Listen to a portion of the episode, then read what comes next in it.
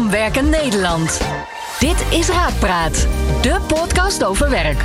Andreas Bouwman van Raakpersoneel stelt een werkexpert rake vragen over solliciteren, salaris, carrière, promotie, collega's, werkplezier en andere werkgerelateerde zaken. Moet je per se diploma's hebben voor een succesvolle loopbaan?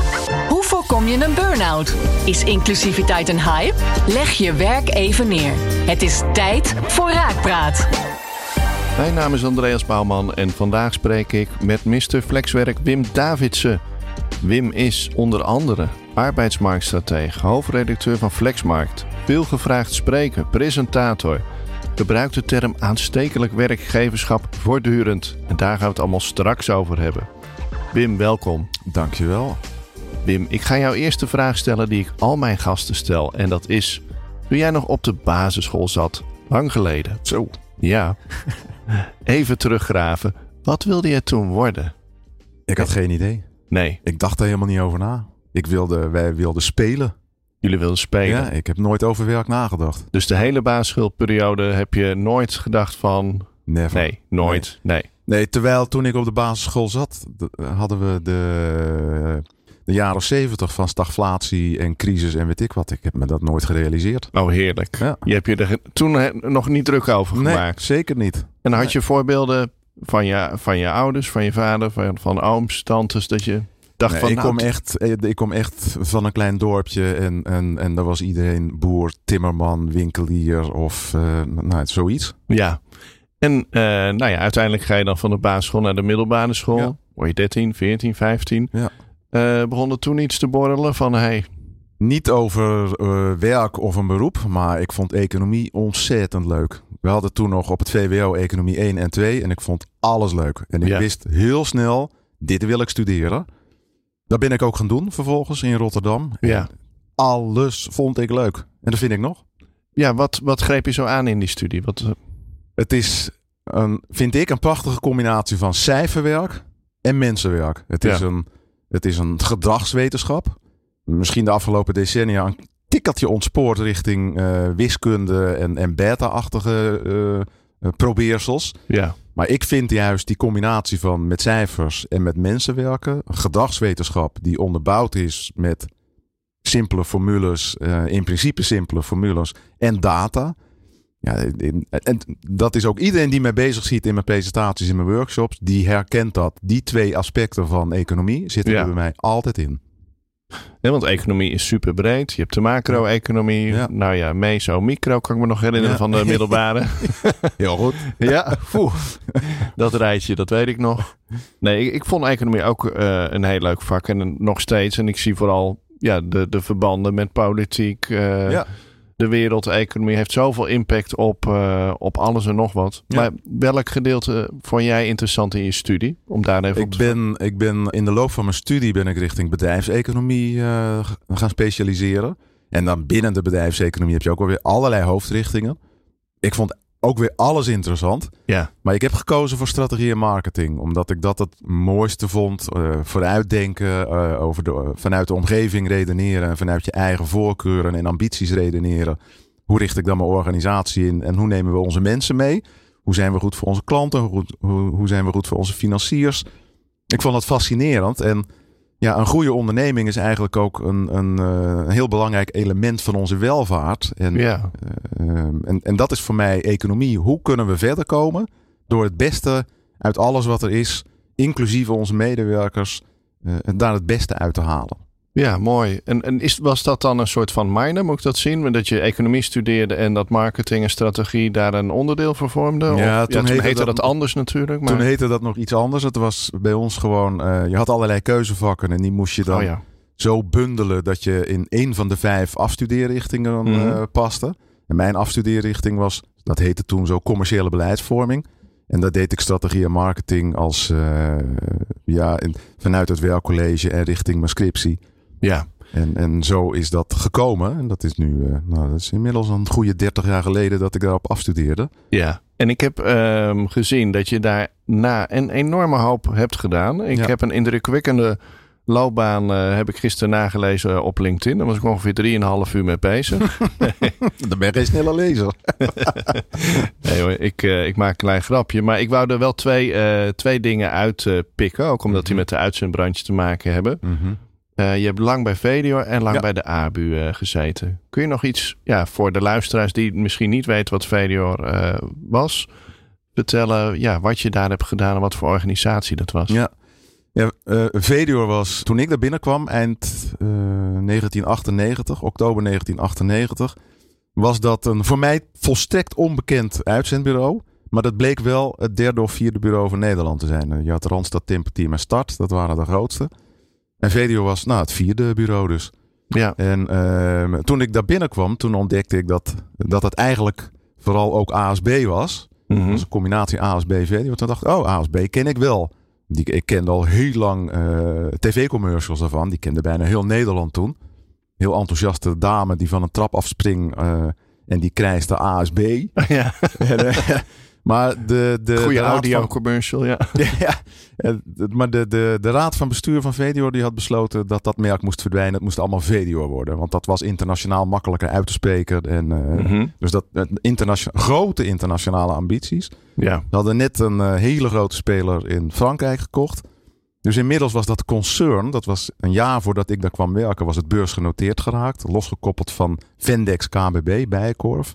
Ja. En... Um, ja, want daar kwam het oorspronkelijk. Dat, ja, ja dat VN, VND. Ja, Vroom en Dreesman, ja, schoonmaak, ja. supermarkt, uitzenden. Dat zat allemaal in één groep. Dat is toen allemaal ontrafeld en uh, apart op de Mhm. mm -hmm. beurs gezet, aandelenbeurs gezet. Dat was dus net gebeurd toen ik daar binnenkwam.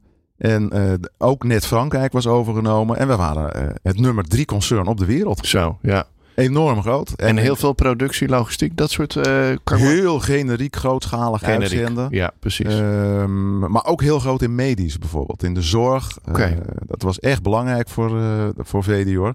En daar hadden we ook gewoon heel veel verstand van. Want we hadden heel veel accountmanagers die daar al heel lang rondliepen. Heel veel vestigingen, in, uh, uh, intercedenten die daar al heel lang rondliepen.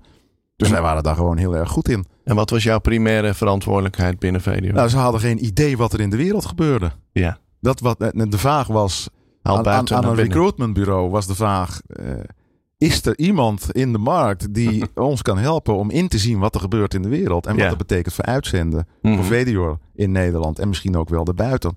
Dus zo ben ik binnengekomen. Als nou, echt, echt vol in mijn roos wat dat betreft. Strategie en marketing, daar hadden ze behoefte aan uh, op basis van marktgegevens. En wat heb je toen geleerd om in zo'n uitzendorganisatie te zitten? Want jij was natuurlijk al volop bezig met die buitenwereld, want Ja. dat heeft je interesse. Ja. Je had economie gestudeerd. Eh, dan kom je in zo'n nou, behoorlijk grote corporate terecht, derde van Nederland, En derde van de wereld. derde van de wereld, niet te Echt vergeten. heel groot. Dus eh, giga. Kon je makkelijk je, je visie kwijt? Kon je dat vertalen naar de praktijk? Wat heb je daar geleerd? Ik voelde me direct vanaf het eerste moment super welkom. Iedereen had zoiets van, zo, die komt dingen brengen, daar kunnen wij wat mee. Ja, Eh, dat gaat ons helpen. En eh, natuurlijk wist niemand, inclusief ikzelf, precies wat en hoe. nee. Maar dat, dat pakten we heel makkelijk met elkaar op. Eh, ik moest een nieuwe afdeling creëren. Die haalde ik, mocht ik weghalen, die, die experts bij verschillende werkmaatschappijen in het concern. Die hadden er allemaal zin in. Niemand vond het vervelend dat ik een expert wegtrok naar mijn centrale afdeling. Ja, Eh, we hebben eh, heel veel eh, overleg gehad met allerlei dochters van het concern. en wat waren de strategische keuzes die jullie toen maakten? Want er was... Meer specialiseren. En, en was van het grootschalig Mhm. efficiënt uitzenden. Ja, Maar daarnaast hadden we een hele bekende zus en dat was Dactylo. En die was van het MKB-gericht uitzenden. Dus het zijn twee totaal verschillende werelden. Die moet je niet verwarren. Nee, sterker nog, die moet je allebei heel goed neerzetten. ja. En die lijken niks op elkaar. Het is heel, heel verbazingwekkend, maar die lijken zowel is strategisch ja, als wat is het- organisatorisch niks op elkaar. Zo'n Nee, intercedent bij Vedior, die moet Ja. gewoon heel goed zijn in snel schakelen. Grote aantallen wegzetten. Zorgen dat dat mean en lean gebeurde. Mhm. En die, die intercedenten van Dactylo, die moesten heel goed kunnen kletsen met de Gezellig, lokale MKB'er. S'avonds bij de voetbalvereniging. eh een ons kent ons, Ja. Ja. totaal ander verdienmodel.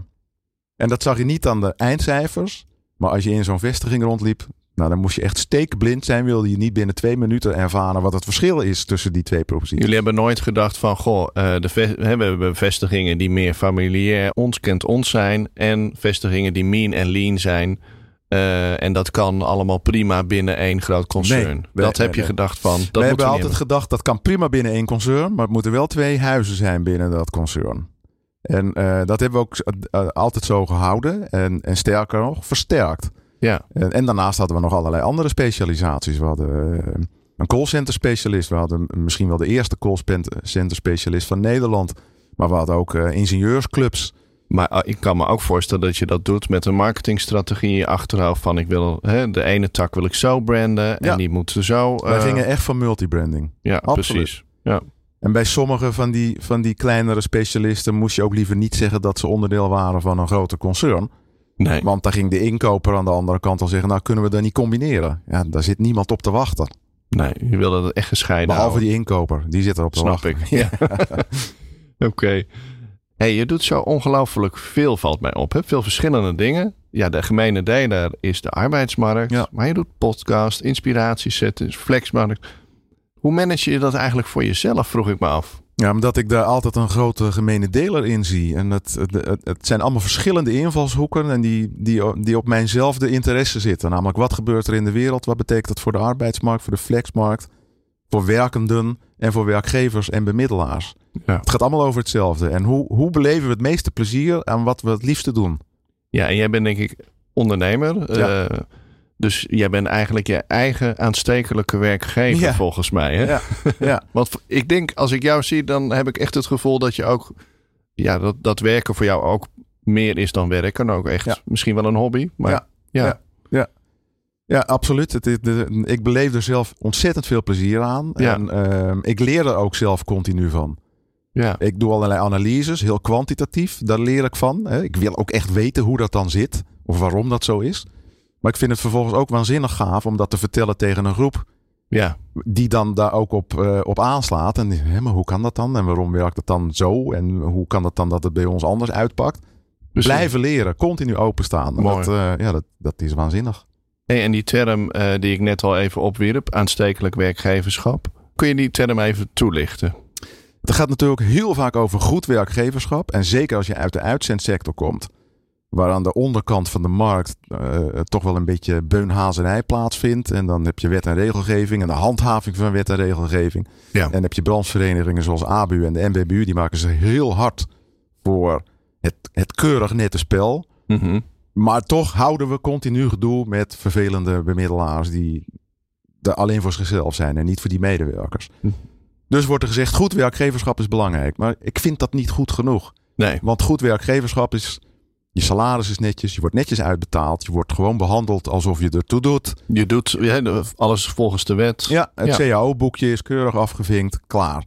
Maar dat, dat, dat is nog niet de helft van, van, van wat werkgeverschap zou moeten zijn. Je moet namelijk ook zien, wat zijn de drijfveren van die man of vrouw? Eh, Wat wil die? Wat zijn hobby's? Wat zijn issues? Wat zijn passies? Wat zijn krachten? Hoe kan ik die raken? Hoe kan ik die inzetten? Ja. En als ik dat doe, dan zal ik ontdekken dat ik niet 70 of 80 procent van de capaciteiten van die man of vrouw krijg, maar gewoon 99 tot 100 procent. Waar die man of vrouw zelf ook niet eens van wist dat die het in zich had. En dat zie je altijd. Als je stimuleert, motiveert, dat is dan eh, eigenlijk het knappe ervan. Eh, hoe doe ik dat? Hoe moeten we dat doen? Maar als je dat voor elkaar krijgt, dan krijg je ongelooflijk veel terug van de mannen en vrouwen die voor en met je werken. Nou, dat geloof ik ook zeker. Denk je ook dat er geen personeelprobleem in die zin is, maar een, een werkgeverschapsprobleem? Ja. Ja. 100%. Ik heb wel eens een keer, eh, dat is volgens mij ook ongeveer de periode dat ik op dat eh, woord kwam, aanstekelijk werkgeverschap, heb ik wel eens voorgerekend dat als we dat zouden doen, als iedereen dat zou doen in Nederland, en de overheid zou dat stimuleren en faciliteren, dat onze economie met dezelfde aantallen medewerkers de helft groter zou kunnen zijn. Gewoon door meer En dan moet ik- productief te Dan moet ik even processen hoor. Dus Ja, met snap aantal medewerkers de helft groter. Ja. ja. En eh, eh, ik weet, eh, jij, jij komt van Raak en, en jullie hebben allerlei vestigingen. Bij Vedior hadden we honderden vestigingen. Dus ik heb Ja. heel vaak vergeleken. Goede cijfers van die vestiging, wat gebeurt daar? precies. Slechte cijfers van die vestiging, wat gebeurt daar? Conclusie is bijna 99 van de 100 keer Het klopt daar niet in het team met de leiding. Mensen zitten niet op hun plek, halen niet alles uit hun talent wat erin zit. Ja, en dat is eigenlijk altijd omdat de baas, de vestigingsbaas, het niet voor elkaar krijgt. Of het totaal verkeerd doet. Ja. En ehm, het verschil tussen zo'n goede, goed geleide vestiging en zo'n minder goede of zelfs slecht geleide vestiging was soms een productiviteit van 100% verschil. Ja, Hè? Dus twee keer zo hoge productiviteit, eh, eh, gerekend in bruto marge per medewerker. En als je dat dan doorrekent naar wat, eh, wat dat aan rendement overhoudt, ja, dat, dat is een factor. dat is gigantisch. Enorm. Ja. Dus, dus als ik jou goed beluister, is super belangrijk de vestigingsmanager Ja. hè, van, een, van, een, van een vestiging. Ja. Maar als we uitzoomen en kijken naar verschillende uitzendorganisaties. Ja, de ene is ook aanstekelijker dan de ander. Zeker, zeker. Kun je daar ook iets over zeggen? Hebben die allemaal heel veel betere vestigingsmanagers? Of zit er iets met een bedrijfscultuur? Of zitten er andere Eh, redenen? nou, het is goed dat je over cultuur begint, want eh, eh, management is een onderdeel van cultuur en vice versa. Hè? Als het, management is eigenlijk de cultuurdrager. Ja. Dat begint bovenin. Mhm. De directeur, man, eh, die bepaalt hoe dat eruit ziet en hoe dat wordt ervaren en hoe dat wordt geleefd en beleefd. En eh, elk niveautje daaronder werkt daaraan mee. En eh, dus op, op elk niveau is de leidinggevende bepalend voor de cultuur. En dat geldt dus ook voor het directieteam. Als, de, als het opperhoofd er niet voor staat, ben je verloren. Was dat, geloof jij wel in zaken als dienend leiderschap, organische? Ja. Zeer. Ja. Ik zeg ook altijd, een goede leidinggevende is in principe conciërge. Als je dat niet op kan brengen, ben je Ja. geen goede leidinggevende. helder. Ja. Eh, maar vervolgens moet je ook eh, toch een soort van een visie hebben. Niet bang zijn van onzekerheid, omdat er allerlei gekke dingen gebeuren en jij even niet het antwoord weet. Je moet je kwetsbaar op durven stellen. Je moet ook transparant kunnen managen. Als mensen niet met je mee willen doen, moet je heel duidelijk maken dat ze er niet bij horen. Eh, dus het is, het is Ja. heel complex. Maar eh, Wim, jij bent een man van de cijfers. En eh, kun je dat ook kwantificeren van hey, die uitzendorganisaties, want je houdt ook de ranglijst bij in de, Ja. in de flexmarkt. Of Tenminste, die hou je niet zelf bij, maar dat mogen Dat de doen we met z'n allen. doen, Ja. doen jullie met z'n allen. Kun je dan bepaalde ja, zaken signaleren van hey, die uitzendorganisaties zonder eh, per se namen te noemen, die doen het goed. Of is dat iets ja, niet tastbaars van ja, daar zit blijkbaar een beter management die hun cultuur op orde heeft. En Dat is een zoek. Ik hoop daar ooit nog op te promoveren. Dat, dat, daar ben ik al twintig jaar mee bezig om dat, om dat onderwerp heel erg te pakken. Maar eh, ja, dat, dat zie je in die ranglijst. Eh, maar het is niet alleen cultuur. Eh, ik heb een modelletje, dat noem ik. dan heb ik het niet over werkgeverschap, maar over hoe, hoe, dat, hoe zo'n flexbureau ja, functioneert. Dat noem ik Flexbureau 4.0. Helemaal klaar voor de vierde industriële revolutie. Waar we nu aan beginnen. En dus cultuur is heel belangrijk. Cultuur op twee plekken. Namelijk cultuur in de visie en het leiderschap. Dat zorgt dat die visie elke dag wordt geleefd. ja, dus het is wel even belangrijk om die visie ook te hebben. Echt wel. Want anders loop je in rondjes of achteruit of je weet het gewoon niet. Mhm, Echt een visie, een missie, een ambitie nodig. Helder. Met een mooi groot verhaal, maar ook harde cijfers. Op de vloer, letterlijk, bijna letterlijk op de vloer, moet je een eh, hele energieke cultuur hebben. eh, waar die leidinggevende elke dag weer het beste uit die mannen en vrouwen tovert. En dat team dat ook met elkaar doet. Ja, Dus dat zijn twee componenten in de cultuur. Dan heb je nog twee andere belangrijke componenten. Eén daarvan is strategie. Mhm. Waar zitten wij? Welke product-markt combinaties? En wat is ons onderscheidend vermogen? Hoe zijn wij onmisbaar voor een kansrijke doelgroep? Dat gaat ook heel vaak fout. ja. En dan het vierde element is hoe organiseer ik dat? Organiseer ik dat professioneel en stimulerend en faciliterend? Of is het chaos? Of is het juist heel erg strak geregeld en kan er geen mens nog met een idee komen? En Dus die vier componenten moet je goed over nadenken. En dan zie je enorme verschillen in die top 100 van die flexmarkt omzetranglijst. Interessant. Ja, ik denk inderdaad dat je daar wel op kunt promoveren als ik het zo hoor. Want dat zijn, die componenten kunnen we niet allemaal uitgebreid eh, Nee. behandelen. Maar En, maar het gaat dus niet eens om. Niet, uiteindelijk gaat het om de samenwerking, de symbiose van die vier componenten. Want het Ja. is niet één van die vier of drie van die vier. nee, snap ik. Ja, Dus- het moet allemaal op orde zijn. Ja. Ik zat wel te denken van thuiswerken, hybride werken. Hoe zie je dat? Want eh, ja, ik hoor je van hè, de, de, de, manager, die, die moet een soort ook conciërge durven zijn. Hè, Ja. die moet meewerken, die moet die visie uitdragen. hoe doe je dat in de post-coronatijd met, met thuiswerken en, en samen een team vormen? Hoe, hoe zie Ja. jij dat? Ja, de- ik ervaar persoonlijk geen verschil, want ik doe dit al 25 jaar op deze manier. Ja. Ehm, ook nog voor Vedior. Ik heb ook nog een paar jaar eh, was ik al op de arbeidsmarkt voordat ik bij Vedior terecht kwam.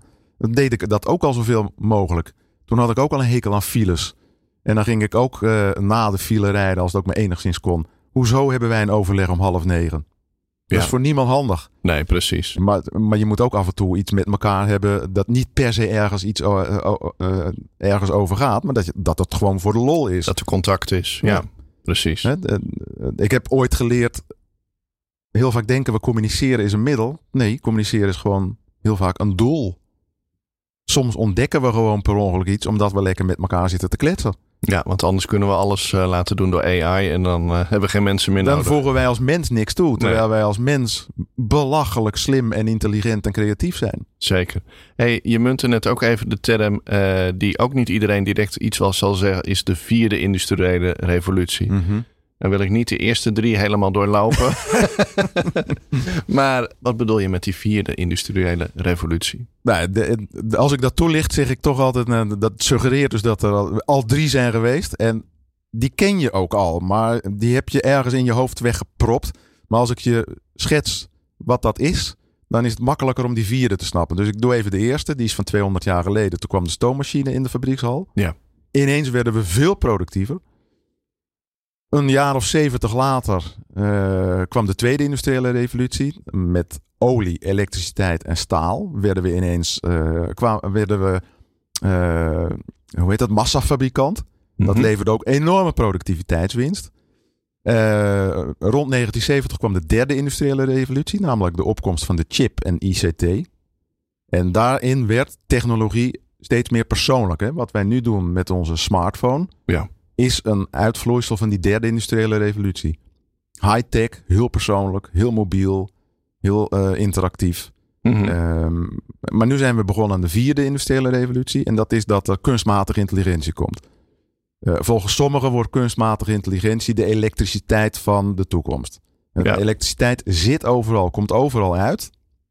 Wordt nog belangrijker de komende jaren en decennia. Maar AI gaat ook overal in zitten en gaat overal in ons leven ook zitten. En als we ons beperken tot de arbeidsmarkt, hè, AI, AI.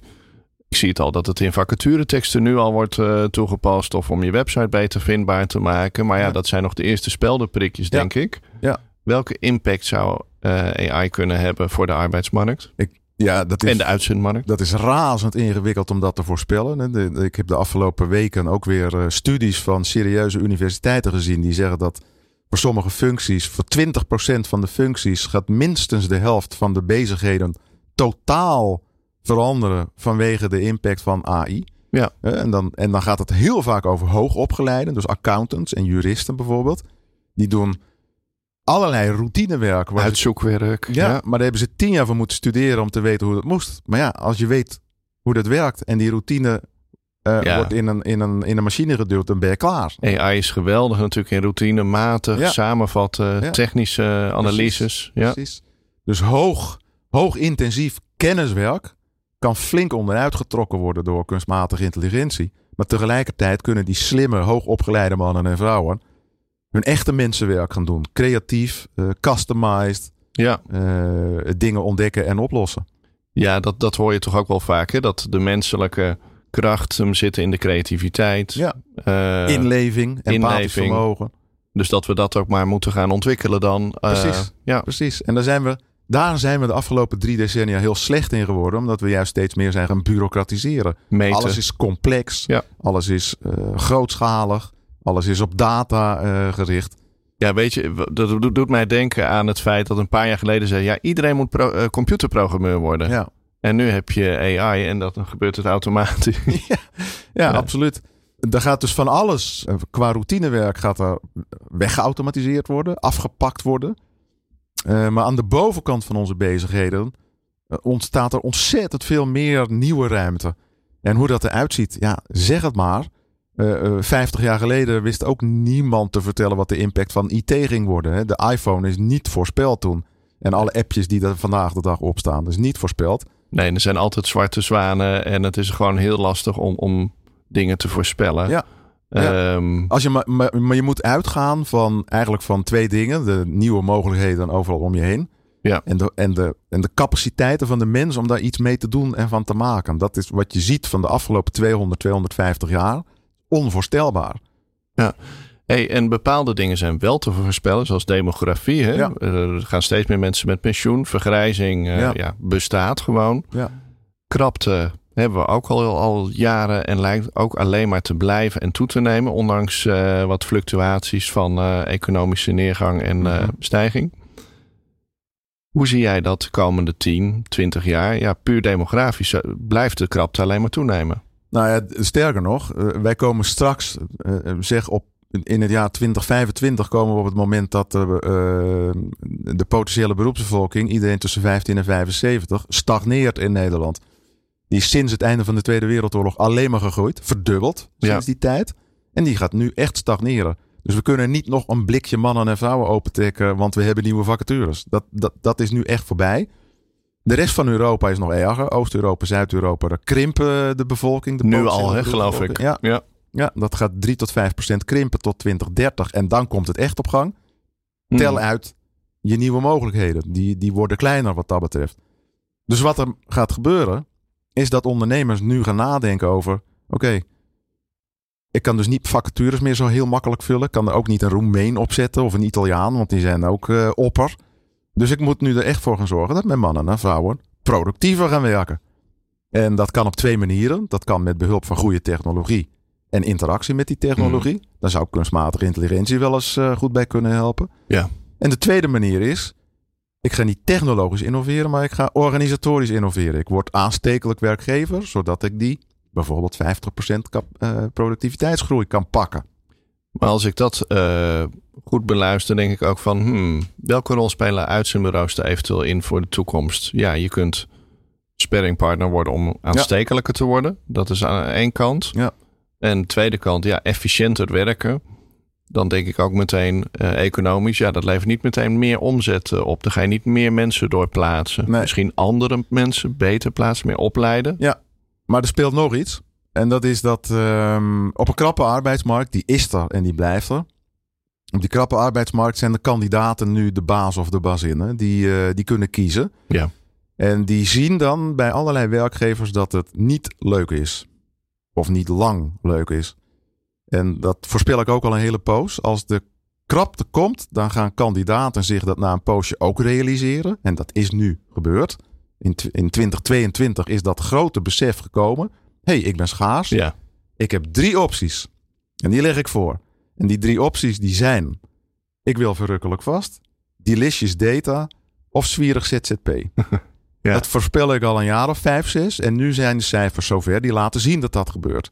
Grootschalig plat uitzenden krimpt heel hard. Omdat je niet vanuit de mens redeneert. Maar vanuit de efficiëntie voor de opdrachtgever. Nou, er is geen kandidaat in geïnteresseerd. Dus die gaat weg. Nee, weinig toegevoegde waarde voor de uitzendkracht in Ja, principe. Absoluut. Of de, eh, de opdrachtgever die zegt: Ja, ja, ik had liever geen vaste verbanden, maar anders heb ik ze niet. Dus ik neem ze op vast. Nou, dat is ook heel vervelend voor het uitzendbureau. Maar aan de andere kant zijn er heel veel kandidaten die zeggen: Ja, maar ik, ik, ik, ik word niet geprikkeld, ik, word, ik groei niet, ik, er wordt niet naar me geluisterd. Ik ga ergens anders naartoe. Nou, dan kom je bij een gespecialiseerd uitzendbureau of bij een detacheringsbureau of je gaat lekker ZZP'en. Of je Mhm. vindt wel een werkgever die je een mooi vast contract geeft eh, waarin er naar je wordt geluisterd. Nou ja, en talentontwikkeling, dat is bij ons een belangrijke tak. Dat is een heel belangrijk onderdeel daarvan. We hebben natuurlijk een heel groot onbenut arbeidspotentieel in Nederland. Eh, ik weet de exacte cijfers niet, maar ik geloof dat er 3 à 4 miljoen mensen toch eh, meer uren willen maken dan dat ze maken. Eh, ja, die mensen begeleiden naar beter en leuker werk. Ja. Dat Ja. zou eventueel ook nog een rol kunnen zijn. Absoluut, absoluut. Eh, maar dat is best wel een moeilijke, want we zitten met allerlei institutionele beperkingen, waardoor iemand zegt: Oké, als ik twee uur meer ga werken, dan ben ik ineens mijn toeslag 1, 2, 3 kwijt. Ja. Eh, dat, eh, heel vaak staan ze op een enorme afstand van de arbeidsmarkt, dus het is ook geen snel proces. Eh, maar het is en, en, en. Je moet dat doen. Je moet ook beter werkgever worden. Een uitzendbureau kan ook werkgever zijn. Die kan in, in, in de, de fase 3 of 4 of, of de fase B of C hartstikke goed werkgever zijn. Ja, dat vind en ik wel dat een, moet je ook gaan worden. En dat vind ik wel een hele interessante als, als ja, slotonderwerp eigenlijk. Want we zitten al over het half uur en we hebben volgens mij nog 3000 onderwerpen die we zouden kunnen behandelen. Geen probleem. Maar uh, daar wil ik je toch nog even vragen. Dat aanstekelijk werkgeverschap voor een tijdelijke werkgever als een uitzendbureau. Mhm. Hoe vul je dat in? Ik denk dat uh, in principe is alles tijdelijk. Hè? Ook welk vast contract. Ja. Ik word een beetje moe van de uitdrukking: de, de, de werkgever voor het leven bestaat niet meer. Want ik, ik heb daar nog nooit van gehoord. Nee. Ik ken heel weinig mensen die 40 jaar ergens hebben gewerkt. En die, die kende ik ook 20 jaar geleden niet. Nee, dat is een beetje een mythe, hè, misschien. Ik denk dat dat een, ja, een soortje een mythe is. En, Ja. eh, een, een utopie die er nooit is geweest en misschien ooit nog eens zou kunnen komen. Nou, ik- waarom zou je het willen? Ik Ja. begrijp het niet. Als jij een medewerker drie jaar kan binden en je kan er alles uittoveren wat er in die man of vrouw zit, Ja, waarom zou je dat niet doen? precies. Dus niet focussen op, eh, op een soort ideaalbeeld wat toch eh, nooit, eh, nooit bestaan heeft. Maar gewoon focussen op dat werkgeluk. Aanstekelijk werkgever zijn. Als je iemand veel productiever kan laten functioneren, omdat je er net de goede opleidingen in investeert, de goede begeleiding geeft, de goede projecten geeft, de goede uitdagingen geeft, en de goede aandacht met af en toe een bloemetje. Ja, Eh, en je weet ook nog het ziekteverzuim één punt lager te krijgen dan dat je gemiddeld eh, om je heen ziet. dan doe je het goed. Echt verschrikkelijk veel gewonnen. En dat kan in twee à drie jaar. En dus ook als uitzender kun je ontzettend goed aanstekelijk werkgever zijn. Ik heb altijd gevonden toen ik nog bij Vedio zat. Ja. Wij hebben een voorbeeldfunctie. Wij zijn van mensenwerk. Dus laat alsjeblieft aan onze opdrachtgevers zien dat wij het weten en voorleven. Wees Mooi. voorbeeld. Mooi. Nou, daar sluiten we bij af, eh, Wim. Hartelijk dank voor je komst. Heel graag Ehm, gedaan. ik heb genoeg inspiratie voor een eventuele volgende podcast. Hopelijk kom je nog een keer. En eh, ik wil je bij deze bedanken voor je komst. Graag gedaan. Bedankt voor het luisteren naar Raakpraat. Binnenkort weer een nieuwe aflevering met Andreas Bouwman en een verse werkexpert. Meepraten? Check de show notes en abonneer je op onze podcast. Werk ze!